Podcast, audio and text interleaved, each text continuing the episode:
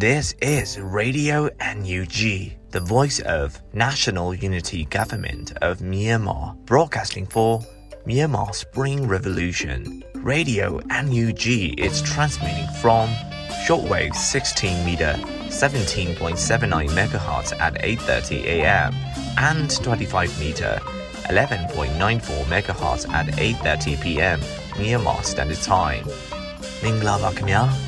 အမျိုးသားညီညွတ်ရေးအစိုးရရဲ့အတန်လွင့်ဌာန Radio NUG ကိုမနက်ပိုင်း၈နာရီခွဲမှာလိုင်းတို16မီတာစက္ကန့်တက်သမ9 MHz ညပိုင်း၈နာရီခွဲမှာလိုင်းတို25မီတာ17တက်သမ6 MHz တို့မှာဓာတ်ရိုက်ဖမ်းယူနိုင်နိုင်ပါပြီမင်္ဂလာအပေါင်းနဲ့ပြည့်စုံကြပါစေအခုချိန်ကစပြီး Radio NUG အစီအစဉ်တွေကိုဓာတ်ရိုက်အတန်လွှင့်ပေးနေပါပြီ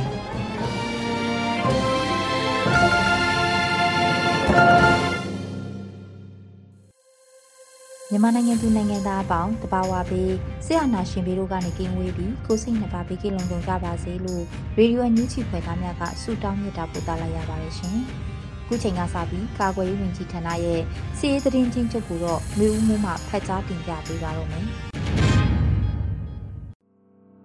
မင်္ဂလာပါခင်ဗျာ။အမျိုးသားညီညွတ်ရေးအစိုးရကာကွယ်ရေးဝန်ကြီးဌာနမှထုတ်ဝေသော နေ့စဉ်စီးရေးသတင်းအကျဉ်းချုပ်များကိုတင်ပြသွားပါမယ်။ အေသတင်းများကို Radio NUG သတင်းတာဝန်ခံတွေနဲ့ခိုင်လုံသောမိဖက်သတင်းရင်းမြစ်တွေမှာဖော်ပြလာသောအချက်အလက်များပေါ်အခြေခံပြုစုထားခြင်းဖြစ်ပါတယ်ခင်ဗျာပထမဆုံးအနေနဲ့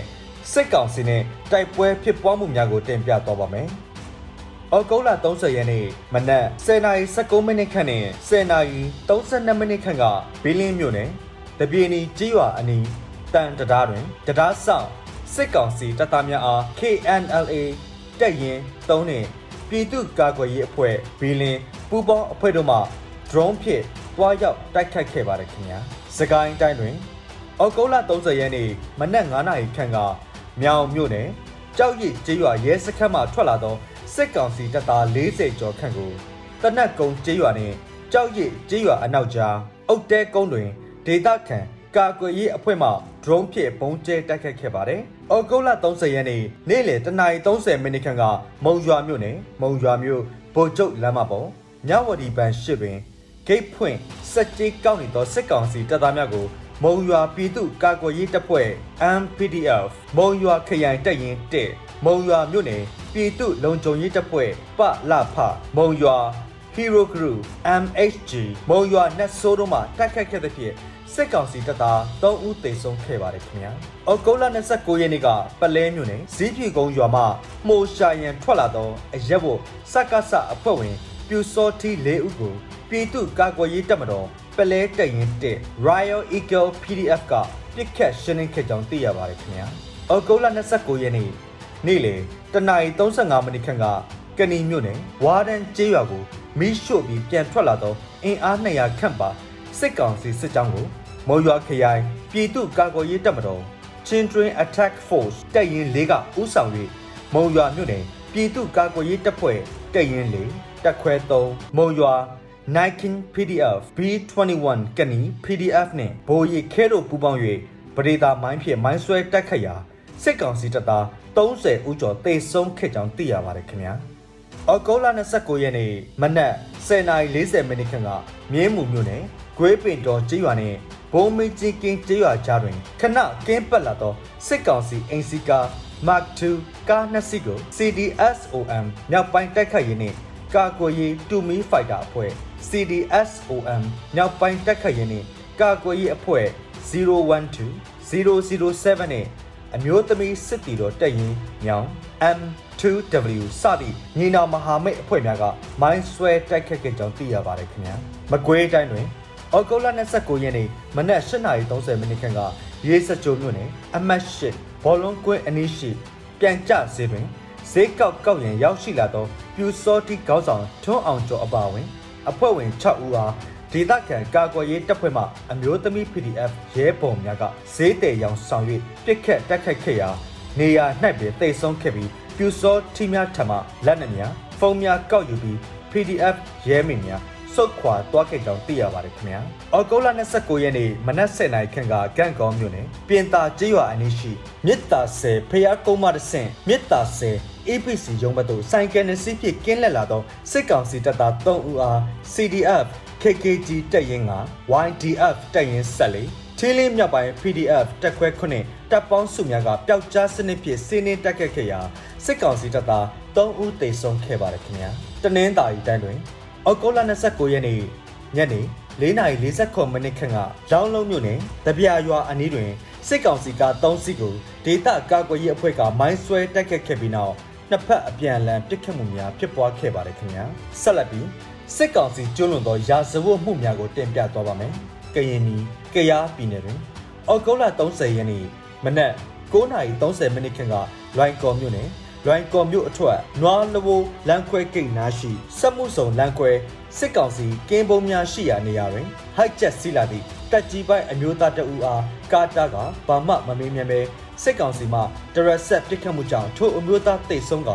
အလောင်းကောကပါထပ်ဖြတ်ထားသောကြောင့်တိတ်ဆုံးသူအားစုံစမ်းနေစေဖြစ်ကြောင်းသိရပါတယ်ခင်ဗျာကရင်ပြည်နယ်တွင်အောက်တိုဘာ30ရက်နေ့ကကော့ကရိတ်မြို့နယ်အမတ်ခွန်ရက်ကွက်တွင်နေထိုင်သော ကိုရဲထွတ်စော်35နှစ်ကိုစစ်ကောင်စီမှ905ဖြစ်ဖမ်းဆီးသွားခဲ့ပါတယ်ခင်ဗျာစကိုင်းတိုင်းတွင်အောက်တိုဘာ29ရက်နေ့ည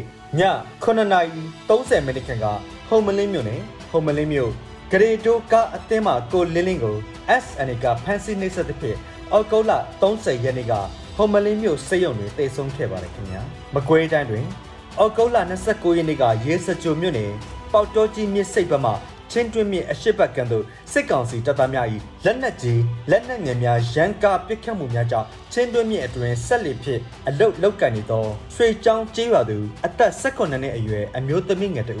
ကြည်ထိမှန်တိတ်ဆုံးခဲ့ကြောင်းသိရပါတယ်ခင်ဗျာ။အောက်တိုဘာ29ရက်နေ့မနက်7:00နာရီခန့်ကရေစကြိုမြို့နယ်ချစ်တူရွာတွင်အင်အား20ခန့်ပါသောစစ်ကောင်စီတပ်သားများဝင်ရောက်မှွေနှက်ကပြည်သူပိုင်ပစ္စည်းများအားဖျက်ဆီးခဲ့ပြီးဒေသခံပြည်သူ2ဦးအားဖမ်းဆီးတပ်ဖြတ်ကအလောင်းများကို မြစ်ထဲသို့မျှောချခဲ့ကြောင်းသိရပါတယ်ခင်ဗျာ။အော်တိုလာ29ရက်နေ့ကမင်းတုံမြို့နယ်အတွင်းသို့စစ်ကြောင်းထုံးဝင်ရောက်လာသောစစ်ကောင်စီများကလက်ပွရွာမှာဒေသခံပြည်သူ၄ဦးအားဖမ်းဆီးနှိပ်စက်ခဲ့ပြီး PDF စကန်ရှိရာသို့လမ်းပြခိုင်းခြင်းနှင့်ထုတ်ပေါ်ပြောခြင်းမရှိပါကတရွာလုံးကိုတပ်ပြစ်မိဟုချိန်ချောက်ခဲ့ပါတယ်။ထို့နောက်စစ်ကောင်စီများကလက်ပွရွာအနီးရှိပြည်သူပိုင်နေအိမ်များကိုတအိမ်စစ်တအိမ်တက်ဝင်ရောက်ခဲ့ကနေအိမ်တစ်ခုမှမြန်မာကျပ်ငွေ6သိန်းနဲ့ ရွှေဆွဲကြိုးများကိုအတ္တမသိမ်းယူခဲ့ပါတယ်ခင်ဗျာ။စကိုင်းတိုင်းတွင်အောက်တိုဘာ29ရက်နေ့နေ့လယ်2နာရီခန့်ကကော့တောင်မြို့နယ်မလီဝမ်22မိုင်ကြေးရွာတွင်နေထိုင်သူဦးဝင်းနိုင်အားခမရ995တက်သားများမှလာရောက်ဖမ်းဆီးခဲ့ပြီးခမောက်ကြီးတက်နေသို့ခေါ်ဆောင်သွားခဲ့ပါတယ်ခင်ဗျာ။အောက်တိုဘာ29ရက်နေ့မနက်9နာရီခန့်ကရေဖြူမြို့နယ်ကံပေါက်အတရာဇာရွာတွင်စစ်ကောင်စီတပ်သားများရန်တမ်းပစ်ခတ်မှုကြောင့် အသက်50အရွယ်စောဝါနောင်အမည်ရှိအမျိုးသားတဦးကြည်ထိမှန်ခဲ့၍မောရဝတီရေတက်စေယုံတို့အရေးပေါ်လူနာအဖြစ်တင်ထားရပါတယ်ခင်ဗျာဟုတ်ကဲ့ပါအခုတင်ပြခဲ့တာကတော့အမျိုးသားညီညွတ်ရေးအစိုးရကာကွယ်ရေးဝန်ကြီးဌာနမှထုတ်ဝေသောနိုင်စဉ်စည်ရေးတရင်အချင်းချုပ်များပဲဖြစ်ပါတယ်ခင်ဗျာကျွန်တော်ຫນွေဦးမိုးပါ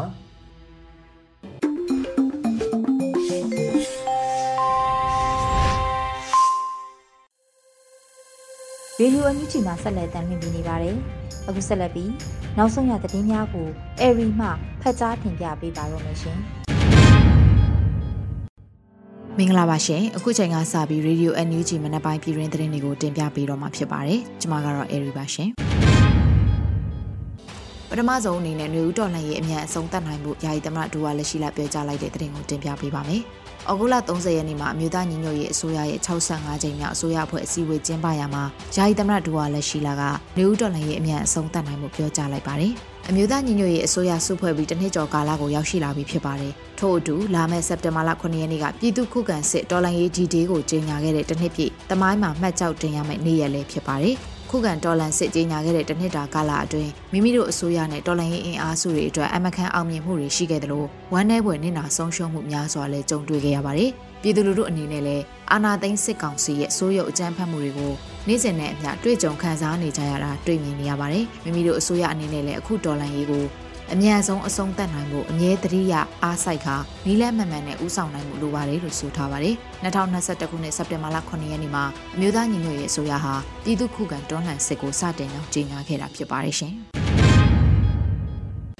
ဆက်လက်ပြီးအကြံဖက်စစ်ကောင်စီကိုမြမမြေပေါ်ကနေအပီးတိုင်မောင်းထုတ်နိုင်မှုအတွက်အာသွန်ခွန်ဆိုင်ကြိုးပမ်းလျက်ရှိနေတယ်လို့ပြည်ထောင်စုဝန်ကြီးချုပ်ပြောကြားလိုက်တဲ့သတင်းကိုတင်ပြပေးပါမယ်။ ဩဂုတ်လ30ရက်နေ့ကကျင်းပတဲ့အမျိုးသားညီညွတ်ရေးအစိုးရရဲ့65ကြိမ်မြောက်အစိုးရအဖွဲ့အစည်းအဝေးမှာပြည်ထောင်စုဝန်ကြီးချုပ်မန်ဝင်းခိုင်တန်းကအကြံဖက်စစ်ကောင်စီကိုမြမမြေပေါ်ကနေအပီးတိုင်မောင်းထုတ်နိုင်ရေးအတွက်အာသွန်ခွန်ဆိုင်ကြိုးပမ်းရရှိနေတယ်လို့ပြောကြားလိုက်ပါတယ်။ကျွန်တော်တို့အနေနဲ့လူမဆန်တဲ့အကြံဖက်စစ်ကောင်စီကိုမြမမြေပေါ်ကနေအပီးတိုင်မောင်းထုတ်နိုင်ရေးအတွက်အာသွန်ခွန်ဆိုင်ကြိုးပမ်းရရှိတယ်ဆိုတာကိုလည်းပြည်သူအလုံးသိရအောင်ထပ်လောင်းပြောကြားလိုပါတယ်။တိုင်းပြည်မှာအမြင့်တွယ်နေတဲ့ပြည်ထနာပေါင်းများစွာရဲ့အရှင်းအမြစ်ကိုကျွန်တော်တို့အားလုံးသိရှိပြီးဖြစ်တာကြောင့် ဒီအမြစ်ကိုခုတ်ထွင်ရှင်းလင်းနိုင်ပြီဆိုရင်ကျွန်တော်တို့နိုင်ငံမှာရှိတဲ့ပြဿနာတော်တော်များများအလိုလျောက်ဖြေရှင်းပြီးသားဖြစ်သွားမှာမို့ကျွန်တော်တို့အားလုံးအားစိုက်ဆောင်ရွက်နေကြတာဖြစ်ပါတယ်လို့ဆိုထားပါတယ်။အကြံဖက်စစ်ကောင်စီကို၎င်းတို့ကျင်းပမယ်2023ခုနှစ်ရွေးကောက်ပွဲမတိုင်မီအပီးတိုင်ဖယ်ရှားရှင်းလင်းမယ်လို့ပြည်ထောင်ရေးဝန်ကြီးကလည်းပြောကြားထားပါသေးတယ်ရှင်။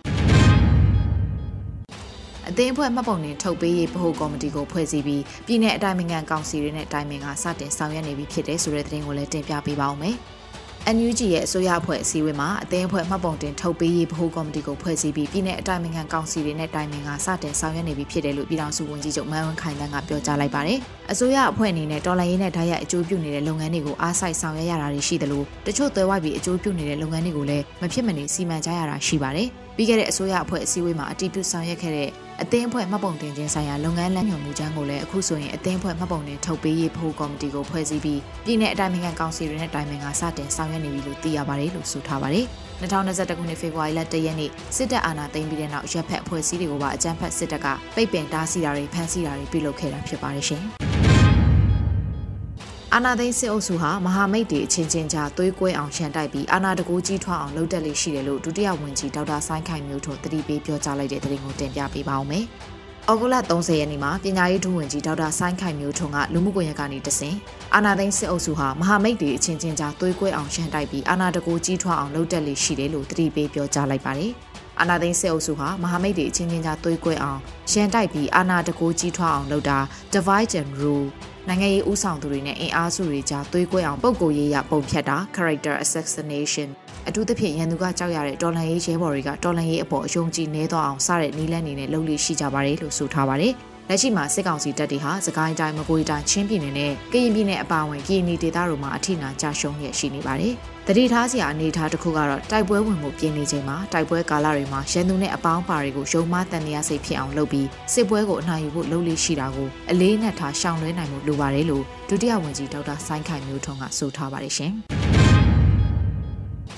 အမျိုးသားညီညွတ်ရေးအစိုးရကပြင်သစ်နိုင်ငံဆိုင်ရာမြန်မာကိုယ်စားလှယ်ရုံးရုံးအဖွဲ့ဖွဲ့စည်းလိုက်တဲ့သတင်းကိုတင်ပြပေးပါမယ်။ ဩဂုတ်လ30ရက်နေ့မှာအမျိုးသားညီညွတ်ရေးအစိုးရကပြင်သစ်နိုင်ငံဆိုင်ရာမြန်မာကိုယ်စားလှယ်ရုံးရုံးအဖွဲ့ကိုရုံးအဖွဲ့ဝင်9ဦးနဲ့ဖွဲ့စည်းလိုက်တယ်လို့နိုင်ငံခြားရေးဝန်ကြီးဌာနကထုတ်ပြန်ကြေညာပါတယ်။ပြင်သစ်နိုင်ငံဆိုင်ရာမြန်မာကိုယ်စားလှယ်ရုံးကိုယ်စားလှယ်အဖြစ်ဒေါ်နန်းစုအောင်ကိုမက်လ24ရက်နေ့ကခန့်အပ်တာဝန်ပေးအကြောင်းကြေညာခဲ့ပါတယ်။လက်ရှိမှာရုံးအဖွဲ့ကိုဘာသာပြန်တာဝန်ခံနိုင်ငံရေးအကြံပေးဆက်သွယ်ရေးတာဝန်ခံစီမံဘဏ္ဍာတာဝန်ခံ2ဦးနဲ့မီဒီယာဆိုရှယ်မီဒီယာတာဝန်ခံတို့နဲ့ဖွဲ့စည်းထားတာလည်းဖြစ်ပါတယ်ရှင်။ ဆက်လက်ပြီးဒေါအောင်ဆန်းစုကြည်ရဲ့တားငယ်ကိုထိန်လင်းရဲ့တစ်ထွင်းပကြီးစံရည် project ကန်ဆယ်မဲ့လက်မှတ်9ရက်အတွင်းမှာ American Dollar 8သိန်းကျော်ကိုရောင်းချထားရပြီဆိုတဲ့သတင်းကိုလည်းတင်ပြပေးပါောင်းမယ်။။ ဩဂုတ်လ30ရက်နေ့မှာတော်လန်ရေးရမုံကိုရှာဖွေပေးနေတဲ့မပန်ဆယ်လူကဒေါအောင်ဆန်းစုကြည်ရဲ့သားငယ်ကိုထိန်လင်းရဲ့တစ်ထွင်းပကြီးစိုင်ရည် project ကန်ဆယ်မဲ့လက်မှတ်9ရက်အတွင်းမှာ American Dollar 8သိန်းကျော်မိုးရောင်းချခဲ့ရတယ်လို့ပြောဆိုထားပါတယ်။စိုင်ရည်အတွက်ပြည်သူတွေရဲ့စုံရည်အသွေးသားပေါ်မော်ကွန်းတင်ခုံပြု Day 5အတွင်းလက်မှတ်8000ကျော်9ရက်အတွင်း American Dollar 8သိန်းကျော်ရှာဖွေနိုင်ခဲ့ပါပြီလို့ဆိုပါတယ်။ကန်ဆယ်မဲ့လက်မှတ်အများဆုံးဝယ်ယူတဲ့နိုင်ငံကတော့စင်ကာပူနိုင်ငံဖြစ်ပြီးတော့ဒုတိယအများဆုံးကတော့ US နဲ့ UK နိုင်ငံတို့ဖြစ်တယ်လို့ဆိုပါတယ်။ ဆက်ရည်အမည်ရှိတဲ့တစ်ထွင်းပချီရဲ့ကန်ထူးသူကိုကိုထိန်နှင်းကိုယ်တိုင် live နဲ့မဲနိုင်ရွေးချယ်ပေးသွားမှာဖြစ်ပြီးတော့မဲလက်မှတ်ရောင်းရငွေအားလုံးကိုမတရားမှုကိုတော်လှန်ဖို့နဲ့ဘေးဒဏ်သင့်ပြည်သူတွေအတွက်အပြည့်အဝပြန်လည်လူဒန်းသွားမှာဖြစ်တယ်လို့သိရှိရပါတယ်ရှင်။ Project Skyward ဘဏ္ဍာငွေရှာဖွေရေးအစီအစဉ်အတွက်ပြည်တွင်းပြည်ပကပါဝင်ထောက်ကူနိုင်မှုသက်ဆိုင်ရာနိုင်ငံလိုက်တာဝန်ခံ fundraiser တွေကိုထုတ်ပြန်လိုက်တဲ့သတင်းကိုတင်ပြပေးပါမယ်။ Project Skyward ဘဏ္ဍာငွေရှာဖွေရေးအစီအစဉ်အတွက်ပြည်တွင်းပြည်ပကပါဝင်ထောက်ကူနိုင်မှုသက်ဆိုင်ရာနိုင်ငံအလိုက် တာဝန်ခံ fundraiser တွေကိုဩဂုတ်လ30ရက်နေ့မှာ Project Skyward ကအတိပေးထုတ်ပြန်လိုက်ပါတယ်။သက်ဆိုင်ရာနိုင်ငံလိုက်တာဝန်ခံ fundraisers တွေရဲ့ဆက်သွယ်ရမယ့်အချက်အလက်တွေကို Project Skyward လူမှုကွန်ရက်စာမျက်နှာမှာဖော်ပြထားပါတယ်။ Project Skyward ကိုအမျိုးသားညီညွတ်ရေးအစိုးရကာကွယ်ရေးဝန်ကြီးဌာနကပြုလုပ်တာဖြစ်ပြီးကာကွယ်ရေးဒုဝန်ကြီးနိုင်ကောင်းရဲ့ဦးဆောင်ကဗန်နာရေးနဲ့ပြည်သူဆက်ဆံရေးအဖွဲ့တို့ဦးစီးလှုပ်ဆောင်တာဖြစ်ပါတယ်။ Project Skyward ကနေ American Dollar တသန်းအနည်းဆုံးရန်ပုံငွေရဖို့အတွက်ဆောင်ရွက်သွားမှာဖြစ်ပြီးတော့စနစ်ကျတဲ့ chain of command တစ်ခုအောက်မှာအားလုံးပူးပေါင်းဆောင်ရွက်သွားကြဖို့ကိုလည်းဒီ project ကဦးတည်ရည်ရွယ်ဆောင်ရွက်တာဖြစ်တယ်လို့သတင်းရရှိပါတယ်ရှင်။ဆက်လက်ပြီးကုလသမဂ္ဂတန်အမတ်ကြီးဦးကျော်မိုးထွန်းကိုကမ္ဘာကုလသမဂ္ဂကတက်တန်းတိုးပေးဖို့တောင်းဆိုဆန္ဒထုတ်ဖော်တဲ့လှုပ်ရှားမှုကိုဂျပန်တနိုင်ငံလုံးအတိုင်းအတာနဲ့ပြုလုပ်သွားမယ်ဆိုတဲ့သတင်းကိုတင်ပြပေးပါမယ်။ကုလတန်မန်ကြီးဦးကျော်မိုးထွန်းကိုကမ္ဘာကုလသမဂ္ဂကတက်တန်းတိုးပေးဖို့တောင်းဆိုဆန္ဒထုတ်ဖော်တဲ့လှုပ်ရှားမှုကိုဂျပန်တနိုင်ငံလုံးအတိုင်းအတာနဲ့ပြုလုပ်သွားမယ်လို့ဩဂုတ်လ30ရက်နေ့မှာဂျပန်နိုင်ငံဆိုင်ရာ NUG ကိုယ်စားလှယ်ရုံးလူမှုကွန်ရက်စာမျက်နှာကနေဖော်ပြပါတယ်။ ကမ္ဘာကုလသမဂ္ဂအမြဲတမ်းဌာနေတန်မတ်ကြီးဦးကျော်မိုးထွန်းကိုကမ္ဘာကုလသမဂ္ဂကတက်တန်းတိုးပေးဖို့တောင်းဆိုဆန္ဒထုတ်ဖော်တဲ့လှုပ်ရှားမှုကိုလာမယ့်စက်တင်ဘာလ17ရက်နေ့မှာဂျပန်တနိုင်ငံလုံးအတိုင်းအတာနဲ့ပြုလုပ်သွားပါမယ်။ဦးကျော်မိုးထွန်းကိုဆက်လက်ခံထားဖို့အတွက်အတန်ကြဲကြဲလောင်လောင်ဆန္ဒပြုမှုတွေနဲ့ တွန်းအားပေးကြဖို့အထူးလိုအပ်နေတဲ့အတွက်အင်တိုက်အားတိုက်ပါဝင်ပူးပေါင်းပေးကြဖို့လေးစားစွာနဲ့ဖိတ်ခေါ်အပ်ပါတယ်လို့အသိပေးဖော်ပြထားပါတယ်။ဂျပန်နိုင်ငံတိုကျိုမှာတော့နှစ်ကြိမ်ခွဲပြီးပြုလုပ်သွားမှာဖြစ်ပြီးတော့စက်တင်ဘာလ9ရက်နေ့တောက်ကြနေ့မှာ UN University ရှေ့မှာစာပေးဖို့ပြုလုပ်သွားမှာဖြစ်ပြီးစက်တင်ဘာလ17ရက်နေ့တနင်္ဂနွေနေ့မှာတော့ UN ရှေ့ကိုဖျက်ပြီးချီတက်လမ်းလျှောက်သွားမှာဖြစ်တယ်လို့သိရှိရပါတယ်ရှင်။အကြံဖက်စစ်တပ်ကရွှေစည်းမတက်ဖို့ရွှေလုပ်ငန်းရှင်တွေခေါ်တွေ့ပြီးနောက်အခောက်ရွှေတစ်ကြက်သားကို32သိန်းထိစံချိန်တင်မြင့်တက်လာခဲ့တဲ့တဲ့တင်ကိုတင်ပြပေးပါအောင်မယ်။ အကြံဖက်စစ်တပ်ကရွှေစည်းမတက်ဖို့ရွှေလုပ်ငန်းရှင်တွေကိုခေါ်တွေ့ပြီးတဲ့နောက်မှာအခောက်ရွှေတစ်ချက်သားကို32သိန်းထိစံချိန်တင်မြင့်တက်ခဲ့ပြီးဖြစ်ပါတယ်။အော်ဂိုလာ30ရက်နေ့ရွှေစည်းခွက်အဖွဲ့မှာတစ်ချက်သားကို32သိန်းထိမြင့်တက်ခဲ့တာဖြစ်ပါတယ်။အော်ဂိုလာ29ရက်နေ့မှာစစ်ကောင်စီနဲ့ရွှေလုပ်ငန်းရှင်တွေတွေ့ဆုံပြီးရန်ကုန်တိုင်းရွှေလုပ်ငန်းရှင်များအသင်း YGEA ကို စစ်ကောင်စီကညွှန်ကြားတဲ့ဈေးနဲ့ရွှေကိုရောင်းချဖို့ပြောကြားခဲ့တာပါ။ဩဂုတ်လ29ရက်နေ့မှာရန်ကုန်ရွှေလုပ်ငန်းရှင်များအသင်းကနေအခောက်ရွှေတစ်ကြက်သားကို320နဲ့28000ဈေးနဲ့ထုတ်ပြန်ခဲ့ပြီးမြပြင်ပဈေးကွက်မှာတော့တစ်ကြက်သားကို28သိန်း5000အထိပေါက်ဈေးရှိခဲ့တာဖြစ်ပါတယ်ရှင်။ဆက်လက်ပြီးမုံရွာမြို့မြောက်ရီပန်ရှိမှာစက်ကြီးကောက်ခိတ်ဆောင်နေတဲ့စစ်ကောင်စီတပ်တွေကိုပြစ်ခတ်တိုက်ခိုက်ရမှာ၃ဦးသေဆုံးခဲ့တယ်ဆိုတဲ့သတင်းကိုတင်ပြပေးပါမယ်။။ ဩဂုတ်လ30ရက်နေ့မွန်းလွဲပိုင်းမှာမုံရွာမြို့မြောက်ရီဘန်ရှိမှာစက်ကြီးကောက်ခိတ်ဆောင်နေတဲ့စစ်ကောင်စီတပ်တွေကိုပြစ်ခတ်တိုက်ခိုက်ခဲ့ရမှာ၃ဦးသေဆုံးခဲ့တယ်လို့ပြည်သူ့ကာကွယ်ရေးတပ်ဖွဲ့ MPDF တပ်ဖွဲ့ကဆိုပါတယ်။ မုံရွာပြည်သူ့ကာကွယ်ရေးတပ်ဖွဲ့ MPDF မုံရွာခရိုင်အမှတ်1တရင်နဲ့မဟာမိတ်တပ်ဖွဲ့တွေဟာဒီနေ့နေ့လယ်တနာရီခွဲချိန်မှာမုံရွာမြို့မြောက်ရီဘန်ရှိမှာစက်ကြီးကောက်ဂိတ်ဆောင်ခွေးအတအုပ်ကိုအမှဲ့ချွေခဲ့ရမှာ၃ကောင်မှာမုံဟင်းကားဖြစ်သွားကြောင်းအတိအကျသတင်းရရှိခဲ့ပါတယ်လို့ဆိုပါတယ်။အဆိုပါပျောက်ကြားစစ်စင်ရေးမှာစိုက်ကယ်စီးပြည်သူတချို့ကဖျက်တမ်းသွားလာခဲ့တဲ့အတွက်ရဲဘော်တွေအပြစ်ရက်ပြီးဆုတ်ခွာခဲ့ရလို့လက်နက်ရယူနိုင်မဲ့အခွင့်အရေးဆုံးရှုံးခဲ့ရတယ်လို့လည်းဖော်ပြထားပါတယ်။ပူးပေါင်းပါဝင်တဲ့မဟာမိတ်အဖွဲ့တွေကတော့မုံရွာပြည်သူ့ကာကွယ်ရေးတပ်ဖွဲ့ MPDF မုံရွာခရိုင်အမှတ်1တရင်မုံရွာမြို့နယ်ပြည်သူ့လုံခြုံရေးတပ်ဖွဲ့ပါလာဖမုံရွာပြည်သူ့ကာကွယ်ရေးတပ်ဖွဲ့ပကဖမုံရွာ Hero Group MHG နဲ့မုံရွာနတ်ဆိုးအဖွဲ့တို့ဖြစ်တယ်လို့သိရှိရပါတယ်ရှင်ဆက်လက်ပြီးရေစကြိုမြို့နယ်မှာနှစ်ရက်တာတိုက်ပွဲအတွင်းအကြမ်းဖက်စစ်တပ်ကအယောက်20ကျော်သေဆုံးတယ်ဆိုတဲ့သတင်းကိုတင်ပြပေးပါမယ်။ရေစကြိုမြို့နယ်မှာနှစ်ရက်တာတိုက်ပွဲအတွင်းအကြမ်းဖက်စစ်တပ်ကအယောက်20ကျော်သေဆုံးခဲ့တယ်လို့ရေစကြို People's Defense Force ကဩဂုတ်လ30ရက်နေ့မှာစစ်ရေးသတင်းကိုထုတ်ပြန်ပါတယ်။။ ဩဂုတ်လ29ရက်နေ့လယ်2နာရီခွဲဝန်းကျင်မှာရေစကြိုမြို့အဝင်စိုက်ပျိုးရေးရုံးအနီး၌အကြမ်းဖက်စစ်ကောင်စီတပ်ဖွဲ့ဝင်အင်အား80ကျော်လိုက်ပါလာသောကား3စီး light truck တစ်စီးစစ်သုံးကား2စီးကိုမဟာမိတ်တပ်ဖွဲ့တွေကအဝေးထိန်းမိုင်းနေနဲ့ဖောက်ခွဲတိုက်ခိုက်ခဲ့ရာ light truck တစ်စီးနဲ့စစ်သုံးကားတစ်စီးကိုတက်တက်ထိမှန်သွားခဲ့တယ်လို့ဆိုပါတယ်။ဖြစ်စဉ်မှာကားတစ်စီးလုံးဝပျက်စီးသွားပြီးကားပေါ်မှာလိုက်ပါလာတဲ့အကြမ်းဖက်စစ်ကောင်စီတပ်ဖွဲ့တွေအနက်ကမှအယောက်20သေဆုံးက12ဦးကထိခိုက်ဒဏ်ရာရရှိခဲ့တယ်လို့ဖော်ပြထားပါတယ်။။ ဩဂုတ်လ30ရက်နေ့နေ့လယ်12နာရီဝန်းကျင်မှာယမန်နေ့ကမိုင်းခွဲတိုက်ခတ်ခံရတဲ့အဆိုပါစိုက်ပျိုးရေးရုံအနီးနားပတ်ဝန်းကျင်ကိုမိုင်းရှာဖွေရှင်းလင်းရေးလုပ်ဖို့ရောက်လာကြတဲ့စစ်ကောင်စီတပ်တွေကိုထပ်မံပြီးအဝေးထိန်းမိုင်းနေနဲ့တိုက်ခိုက်ခဲ့ပါတယ်လို့ဆိုပါတယ်။တိုက်ခိုက်မှုကြောင့်နေရာမှာ9ဦးသေဆုံးပြီး2ဦးထိခိုက်ဒဏ်ရာရရှိခဲ့တယ်လို့သိရပါတယ်။နေ့ရက်အတွင်းမှာဂျမ်ဖက်စစ်ကောင်စီတပ်ဖွဲ့ဝင်25ဦးသေဆုံးခဲ့ပြီး32ဦးဒဏ်ရာရရှိသွားခဲ့တဲ့အပြင်ကားနှစ်စီးကိုပါဖျက်ဆီးနိုင်ခဲ့တယ်လို့ဆိုထားပါတယ်ရှင်။ ဆက်လက်ပြီးကျွန်းလာမြို့နယ်အနောက်မြောက်ဖက်ခြမ်းကရွာကုန်းကြီးရွာကိုအကြမ်းဖက်စစ်တပ်ကမိရှုဖျက်ဆီးခဲ့တဲ့တဲ့တင်ကိုလည်းတင်ပြပေးပါအောင်မယ်။စကိုင်းတိုင်းကျွန်းလာမြို့နယ်အနောက်မြောက်ခြမ်းမှာရှိတဲ့ရွာကုန်းကြီးရွာကိုအကြမ်းဖက်စစ်တပ်ကမိရှုဖျက်ဆီးခဲ့တယ်လို့ဩဂုတ်လ30ရက်နေ့မှာကျွန်းလာတက်ကြွလှုပ်ရှားသူများအဖွဲ့ကအသိပေးဖော်ပြပါရတယ်။ဩဂုတ်လ30ရက်နေ့မနက်၈နာရီမိနစ်20အချိန်အကြမ်းဖက်စစ်ကောင်စီတပ်69လက်အောက်ခံခမာရ133စစ်ကြောင်းကကျွန်းလာမြို့နယ်အနောက်မြောက်ဖက်ခြမ်းမှာရှိတဲ့ရွာကုန်းကြီးရွာကိုမိရှုခဲ့ပါတယ်လို့ဆိုပါတယ်။ လက်တလုံးမှာတော့ပျက်စီးဆုံးရှုံးမှုကိုအတည်ပြုနေစေဖြစ်တယ်လို့လည်းသိရှိရပါတယ်ရှင်။အခုတင်ပြပေးခဲ့တဲ့သတင်းတွေကိုတော့ Radio NUG သတင်းတောင်မင်းမင်းကပေးပို့ထားတာဖြစ်ပါတယ်ရှင်။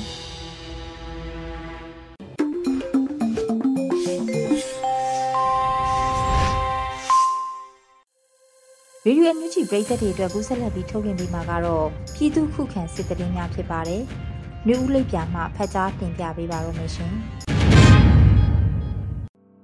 ပထမဦးစွာကဏီမြို့နယ်တွင်စစ်တပ်စစ်ကြောင်းမိုင်းဆွဲတိုက်ခိုက်ခံရပြီးအများအပြားထိခိုက်ဒေဆုံးတဲ့တဲ့တင်ဆက်ပါမယ်။စကိုင်းတိုင်းကဏီမြို့နယ်တပြည်တော်ရွာအနောက်ဘက်တွင်နေမြေရှင်းလင်းရန်ရောက်ရှိလာသည့်အကြမ်းဖက်စစ်တပ်စစ်ကြောင်းကိုဒေသခံကာကွယ်ရေးတပ်ဖွဲ့များကဩ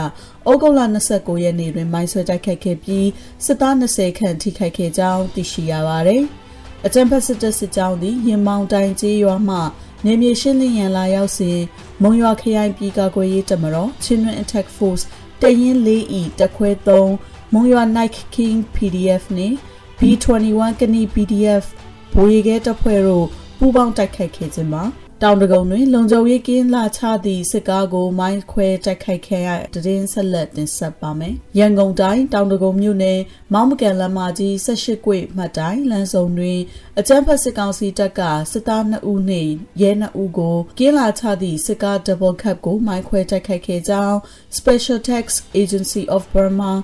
STA ထမသိရှိရပါတယ်။ဩဂုတ်လ30ရက်နေ့နနက်6နာရီအချိန်တွင်စစ်ကားကိုမိုင်းခွဲတိုက်ခိုက်ခဲ့ခြင်းဖြစ်ပြီး အကြမ်းဖက်စစ်တပ်မှစစ်သား2ဦးဒဏ်ရာရရှိကြောင်းအခြားထိခိုက်ဒေဆုံးမှုရှိမရှိဆက်လက်စုံစမ်းလျက်ရှိကြောင်း STA ကထုတ်ပြန်ထားပါတယ်။ဆက်လက်တင်ဆက်မှာကတော့ KNU တမဟာ9နယ်မြေတွင်ကျူးကျော်ထားသောအကြမ်းဖက်စစ်တပ်ကို KNL ကတိုက်ခိုက်ရာ၄ဦးသေဆုံးတဲ့တဲ့တင်မှာကရင်မျိုးသားအစည်းအရုံး KNU ကော်တူလေးအုပ်ချုပ်နယ်မြေတွင် တမဟာငါမူတရောဖပွန်ခရိုင်အတွင်းကျူးကျော်တဆွဲထားသောအကြမ်းဖက်စစ်တပ်ကိုကရင်အမျိုးသားလူမျိုးရေးတမတော် KNL ကပြစ်ခတ်တိုက်ခိုက်ရာစစ်သား၄ဦးသေဆုံးသွားကြောင်းမူတရောသတင်းစင်ကထုတ်ပြန်ထားပါတယ်။ KNU တမဟာငါနယ်မြေတွင်ကျူးကျော်တဆွဲထားသောအကြမ်းဖက်စစ်တပ်နှင့်လက်ပါစီ BGF များသည်အများပြည်သူနေထိုင်ရာခြေရွာများအတွင်းသို့လက်နက်ကြီးများဖြင့်အကြောင်းမဲ့ပစ်ခဲ့ရာ ကလေးငယ်တဦးဒဏ်ရာရပြီးနေအိမ်ပျက်စီးမှုများရှိကြောင်း BGF တပ်ဖွဲ့များသည် အများပြည်သူနေထိုင်ရာကျေးရွာနှင့်လေယာလုကွက်များအတွင်းသို့တရက်လျင်လက်နက်ကြီးဖြင့်2ချိန်3ချိန်ခန့်ပစ်ခတ်ရမည်ဟု BGF 2014တရင်မှုဘိုမောင်ချစ်ကအမိန့်ပေးထားကြောင်းမူတရောသတင်းစင်မှာဖော်ပြပါရှိပါတယ်။နောက်ဆုံးအနေနဲ့မိုးကုတ်မြို့နယ်ဂွေပင်နှင့်လောင်စင်ကြေးရွာကြားတွင်အကြံဖက်စစ်ကောင်စီကအတွင် PDF များကဘုံပစ်သွင်းတိုက်ခိုက်ရာအရာရှိများအပါအဝင်ခုနှစ်ဦးသေဆုံးတဲ့သတင်းတင်ဆက်ပါမယ်။မန္တလေးတိုင်းမိုးကုတ်မြို့နယ်ဂွေးပင်ကြီးရွာနှင့်လောင်စင်ကြီးရွာကြားတွင်ဩဂုတ်လ30ရက်ယနေ့နနက်8နာရီဝန်းကျင်၌အကြမ်းဖက်စစ်ကားပေါ်သို့မိုးကုတ်အခြေပြု PDF များကဘုံပြင်းတွင်တက်ခိုက်ခဲ့ရာသုံးပွင့်ဘိုးကြီးတအုပ်အပါအဝင်ခုနှစ်ဦးသေဆုံးကြောင်းသတင်းရရှိပါသည်။ဂွေးပင်နှင့်လောင်စင်ကြီးရွာကြားတွင်မိုးကုတ်အခြေပြု PDF တရင် 1222က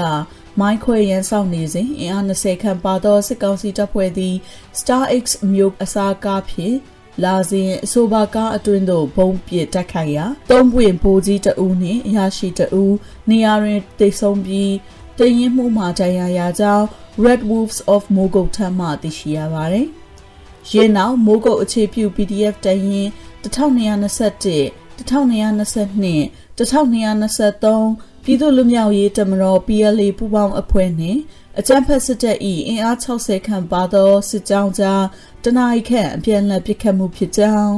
မိုင်းသုံးလုံးဖြင့်ဖောက်ကွဲတိုက်ခိုက်ကြောင်း PDF များအထီးခိုက်မရှိစုခွာနိုင်ခဲ့ကြောင်းသိရှိရပါတယ်ရှင်။အကြမ်းဖက်စစ်တပ်သည်သေဆုံးသွားသောတုံးပွင့်ဘိုးကြီးနှင့်အရာရှိတအုပ်ကိုမိတကြိုသလိုအခြားတတား9ဦးကိုမြေမြုပ်သွားကြောင်းဒဏ်ရာရစစ်သား14ဦးကို မိုးကုတ်ဆေးရုံတို့လူနာတင်ကား6စီးဖြင့်၃ခေါက်ပို့ဆောင်ခဲ့ကြောင်း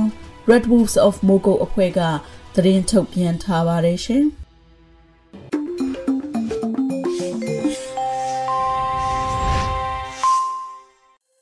ရေဒီယိုညူချီရဲ့မနက်ခင်းစီစဉ်တွေကိုဆက်လက်တင်ပြနေပါတယ်။အခုဆက်လက်ပြီး PPTV ရဲ့နေ့စဉ်သတင်းများကိုထက်ထက်အင်ဒရာအောင်မှဖတ်ကြားတင်ပြပေးပါရမရှင်။ အခုချိန်ကစပြီး PPTV သတင်းတွေကိုတင်ဆက်ပေးတော့မှာပါကျွန်မထထအင်ဒရာအောင်ပါ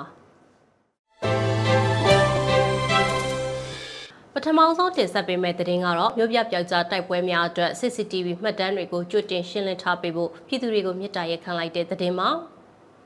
မြို့ပြပျောက်ကြားတိုက်ပွဲတွေဆန္ဒပြတပိတ်တွေပြုလုပ်တဲ့အခါမှာအကြမ်းဖက်စစ်ကောင်စီဘက်က CCTV တွေကိုချီရခံပြီးဖမ်းဆီးမှုတွေပြုလုပ်နေတဲ့အတွက် CCTV မှတ်တမ်းတွေကိုကြိုတင်ရှင်းလင်းထားပေးဖို့ရန်ကုန်တပိတ်အဖွဲ့အစည်းတွေနဲ့ကင်းထောက်အဖွဲ့အစည်းတွေကပြည်သူတွေကိုမြစ်တာရက်ခံထားပါတယ်။ဒီလိုမြစ်တာရက်ခံရမှာအချက်နှစ်ချက်ကိုလှုံ့ဆော်ပေးဖို့တောင်းဆိုထားတာတွေ့ရပြီးဒါတွေက CCTV လုံခြုံရေးကင်မရာတွေရဲ့ရိုက်ကူးမှုဥတီလမ်းကြောင်းကိုလမ်းအလဲလမ်းကွာစုံနဲ့ platform ထက်ကိုဥတီထားတာကနေရှောင်ရှားတာ ပတ်ဝန်းကျင်အနီးတစ်ဝိုက်မှာလူထုပျောက်ကြားတပိတ်တိုက်ပွဲဒါမှမဟုတ်လဲပြိုးပြပျောက်ကြားတိုက်ပွဲတွေဖြစ်ပွားတယ်လို့သတင်းကြားတဲ့အခါမျိုးမှာ CCTV လုံခြုံရေးကင်မရာတွေရဲ့ရိုက်ကူးမှုမှတ်တမ်းတွေကိုကြိုတင်ရှင်းလင်းဖျက်ဆီးတာမျိုးတွေပြုလုပ်ပေးဖို့အတွက်ပါ အကြမ်းဖက်စစ်တပ်ကအာဏာသိမ်းပြီးတဲ့အချိန်မှာဖြစ်ပေါ်လာတဲ့အကျိုးဆက်တွေတဲ့အကြမ်းဖက်ခိုးဆိုးလူရဲ့ဓမြတိုက်မှုတွေပေါ်ပေါက်နေတဲ့အပေါ်ပြည်သူတွေအနေနဲ့လုံခြုံရေးအရာ CCTV ကင်မရာတွေတက်စင်တာကိုနားလည်ပေးတယ်ဆိုတာနဲ့မြစ်တာရက်ခံထားတဲ့တောင်းဆိုချက်နှစ်ခုကိုလှုံ့ဆော်ပေးကြဖို့အတွက်ရန်ကုန်သပိတ်အဖွဲ့အစည်းတွေနဲ့ကင်းထောက်အဖွဲ့အစည်းတွေကပြောကြားထားပါတယ်။ဒါ့အပြင်အနာသိန်းခံလိုက်ရတဲ့အချိန်ကစပြီးတော့ယနေ့အချိန်ထိအမတ်တရားဘက်ကနေရက်တီပြီးဓာတ်ရိုက်ဖြစ်စီတွဲဝိုက်ပြီးတော့ဖြစ်စီ နီလန်မျိုးမျိုးနဲ့တော်လှန်ရေးမှာပါဝင်ကြတဲ့ပြည်သူလူထုတရက်လုံးကိုကျေးဇူးတင်ဂုဏ်ပြုရဲဆိုပြီးတော့လည်းဖော်ပြထားပါတယ်။ဆလတ်တင်ဆက်ပေးမှာကတော့ KA မျိုးသားစီယုံနယ်မြေအတွင်းမှာအကြမ်းဖက်စစ်တပ်ကကြေးရွာတွေဝင်ပြီးလက်နက်ကြီးတွေတက်ဆင်နေတာကြောင့်ဒေသခံတွေထွက်ပြေးတိမ်းရှောင်နေရတဲ့ဆိုတဲ့သတင်းမှာ KA မျိုးသားစီယုံ KNU ရဲ့မုံမြို့နယ်စီမံအုပ်ချုပ်မှုနယ်မြေအတွင်းကကြေးရွာတွေတဲ့အကြမ်းဖက်စစ်တပ်ကဝင်ရောက်ပြီးလက်နက်ကြီးတွေတက်ဆင်နေတာကြောင့် ဒေသခံပြည်သူတွေထွက်ပြေးတိမ်းရှောင်နေရပါတယ်။အကြမ်းဖက်စစ်တပ်ကလက်နက်ကြီးတွေကိုရေလဲကရင်ကြေးရွာကိုမျက်နှာမူနေတဲ့အတွက်အဲ့ဒီကြေးရွာကပြည်သူတွေကနီးစရာရွာတွေဖြစ်တဲ့ပရဲစီကြေးရွာထဏီကုန်းကြေးရွာနဲ့ငထွေစုပ်ကြေးရွာတွေအပြင်မြေကန်တပ်ဖက်ကပါကူးပြီးတော့တိတ်ရှောင်မှုတွေပြုလုပ်နေတာပါ။ KNU မုံမြို့နယ်ရဲ့စီမံအုပ်ချုပ်မှုနယ်မြေအတွင်းရှိရေလဲကရင်ကြေးရွာမှာအင်ဂျီပေါင်း180ရှိပြီးတော့ လူဦးရေစုစုပေါင်း983ဦးရှိတဲ့ကြေးရွာတွေရဖြစ်ပါတယ်။အလားတူပဲဩဂတ်စ်လ29ရက်မနက်9:00နာရီအချိန်ခန့်မှာအာနာသိန်းအချမ်းဘတ်စစ်ကောင်စီတပ်တွေကကရင်မြက်ရဲ့မာနီရွာတိုင်းရှိနေရာတွေမှာလက်နက်ကြီးတွေနဲ့38လုံးပစ်ခတ်တဲ့အပြင်တက်လှုပ်ရှားမှုတွေရှိတာကြောင့်ဒေသခံပြည်သူတွေကြောက်လန့်ကနှီးစက်ရကြေးရွာတွေကိုတင်းရှောင်နေရပါတယ်။အကြမ်းဖက်စစ်တပ်ကလက်ရှိအချိန်မှာအုံးမင်စုကြေးရွာဝတ်တူးကြေးရွာမှာအင်အား30ခန့် လောက်ပတ်နဲ့ဗမာမြေရေးကြီးရွာတွေမှာအင်အား25နဲ့မိချောင်းကောက်မှာအင်အား30ခန်းနဲ့တက်လှုပ်ရှားမှုတွေရှိနေတဲ့အတွက်ဒေသခံပြည်သူတွေကြောက်လန့်ပြီးတိတ်ရှောင်နေရတယ်လို့လည်း KNU ဗဟိုကထုတ်ပြန်ထားပါတယ်။ဆလတ်တင်ဆက်ပေးမှာကတော့ KNDF ကအကြမ်းဖက်စစ်တပ်ကို drone နဲ့တိုက်ခိုက်တဲ့ရုပ်သံထုတ်ပြန်လိုက်တဲ့သတင်းမှာ KNI မျိုးသားများကာကွယ်ရေးတပ် KNDF ကအကြမ်းဖက်စစ်တပ်ကို drone နဲ့တိုက်ခိုက်နေတဲ့ရုပ်သံဖိုင်နဲ့တည်ဆုံနေတဲ့အကြမ်းဖက်စစ်သားတွေရဲ့ပုံရိပ်ကိုဒီကနေ့မှထုတ်ပြန်လိုက်ပါတယ်။အကြမ်းဖက်စစ်တပ်ကဩဂတ်လတတိယဘက်ကစပြီးတော့ဖရူဆိုမြို့နယ်လွိုင်ကော်မြို့နယ်တွေကနေတဆင့်ဒီမော့ဆိုမြို့နယ်ကိုတက်အင်အားဖြစ်ပြီးတော့စစ်ကြောင်းထိုးတိုက်ခိုက်မှုတွေလုပ်နေတာပါ။ KNI မျိုးသားများကာကွယ်ရေးတပ် KNDF ရဲ့ထုတ်ပြန်ထားတဲ့ရုပ်သံဖိုင်မှာတော့ဘာနီးနဲ့ပဲရရစစ်ခွေးတွေကြာရှုံးဖို့ပဲတွေ့ပြီး KNI ပြည်သားတွေရုန်းကန်တိုက်ခိုက်နေပါတယ်။ ပြည်သူပြည်သားများတို့ရေဒီထက်မကြက်တဲခင်လေးစောင့်ယုံပြီးစစ်ကြုံဘွားကလွတ်ဖို့ရရနဲ့တိုက်ခိုက်ကြအောင်လို့တိုက်တွန်းထားတာကိုတွေ့ရပါတယ်။အကြမ်းဖက်စစ်တပ်ရဲ့နေမြေကျူးကျော်စစ်ကို KNI ပူးပေါင်းတော်လှန်ရေးတပ်ဖွဲ့တွေနဲ့ပြည်သူ့ကာကွယ်ရေးတပ်ဖွဲ့တွေကခုခံတော်လှန်ဆင်နွှဲလျက်ရှိရာဒီမော့ဆိုဖရူဆိုလွိုက်ကော်နဲ့ရှာရော့မြို့နယ်တွေမှာတိုက်ပွဲတွေပြင်းထန်နေတာပါ။ဩဂတ်လ20ရက်ကစပြီးတော့အင်အား200ခန့်ပါတဲ့အကြမ်းဖက်စစ်တပ်ရဲ့စစ်ကြောင်းကဖ ရူဆိုမြို့နယ်အတွင်းကိုစစ်ကြောင်းဖြန့်လာတဲ့အတွက် KNI ပူးပေါင်းတော်လှန်ရေးတပ်ဖွဲ့တွေနဲ့ပြည်သူ့ကာကွယ်ရေးတပ်ဖွဲ့တွေကခုခံတော်လှန်စစ်ဆင်နွှဲနေတာပါအကြမ်းဖက်စစ်တပ်ကအာဏာသိမ်းပြီးတဲ့နောက် KNI ပြည်နယ်အတွင်းမှာတိုက်ပွဲအချိန်ကြီး400ကျော်ထိဖြစ်ပွားခဲ့ပြီးအကြမ်းဖက်စစ်တပ်ဘက်က1306ဦးသေက KNI ရဲဘော်တွေဘက်က149ဦးကြာဆုံးခဲ့ရပါတယ်။ကျေးဇူးတင်ပါတယ်ရှင်။